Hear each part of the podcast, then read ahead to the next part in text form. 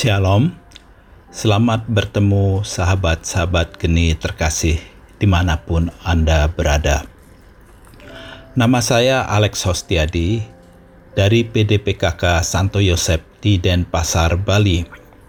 Hari ini kita mau merenungkan bacaan dari Injil Lukas 15, 1 sampai 10, perumpamaan tentang domba dan dirham yang hilang. Dalam bab ini kita bisa melihat bagaimana sukacita timbul karena menemukan kembali yang hilang. Kita pun mengalami hal-hal demikian, walaupun dalam dunia ini mungkin dalam level yang lebih rendah, yang tidak bisa dibandingkan dengan sukacita surgawi sebagaimana disebutkan dalam bacaan ini. Bagaimana perasaan kita ketika kita menemukan kembali barang-barang kita yang sangat kita butuhkan? Kita cari-cari, mungkin itu kunci mobil, HP yang sangat melekat kepada kita yang sangat kita butuhkan ketika kita untuk bekerja ataupun surat-surat penting atau surat berharga lainnya. Dalam ayat 1 disebutkan bahwa para pemungut cukai dan orang-orang berdosa biasa datang untuk mendengarkan Yesus dan hal ini ternyata yang menyebabkan para ahli Taurat dan Farisi bersungut-sungut. Mereka tidak terima kalau Yesus kumpul-kumpul bahkan makan bersama para pendosa.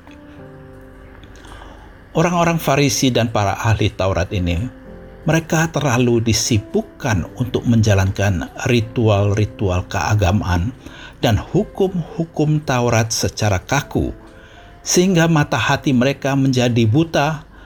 Mereka tidak bisa lagi melihat kedosaan mereka sendiri dan melupakan bahwa Allah juga mencintai orang-orang berdosa.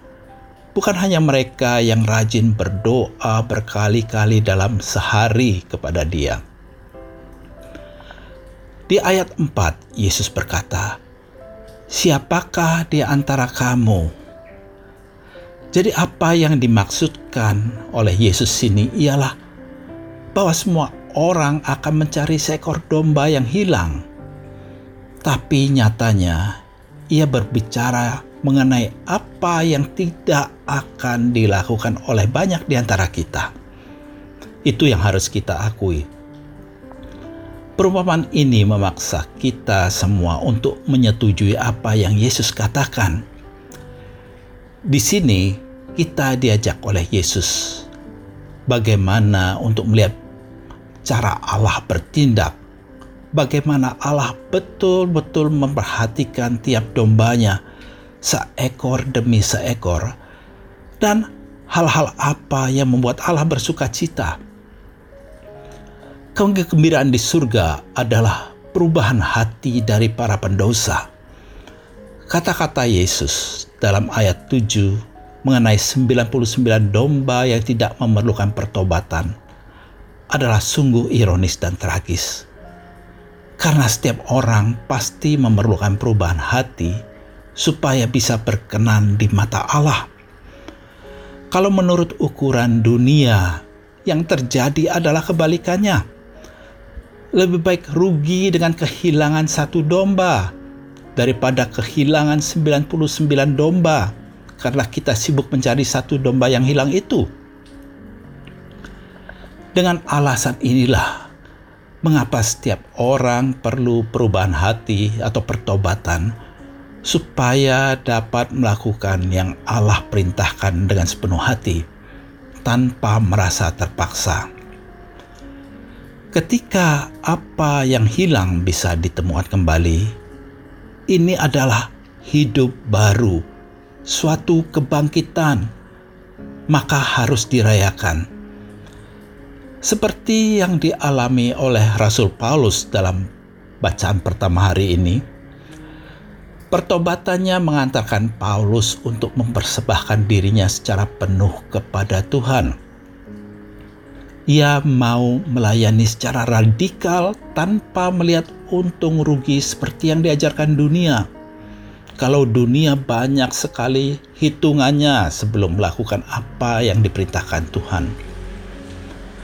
Untuk dapat melayani secara total, diperlukan semangat pertobatan, dan dari hasil dari pelayanan total adalah sukacita dan kegembiraan yang luar biasa, dan orang-orang lain pun yang sekitar kita atau yang kita layani akan merasakan hal yang sama. Tetapi lebih dari itu, nama Tuhan akan semakin dimuliakan dan kerajaannya akan semakin berkembang di mana-mana. Itulah yang berkenan di mana Tuhan. Tuhan memberkati kita semua.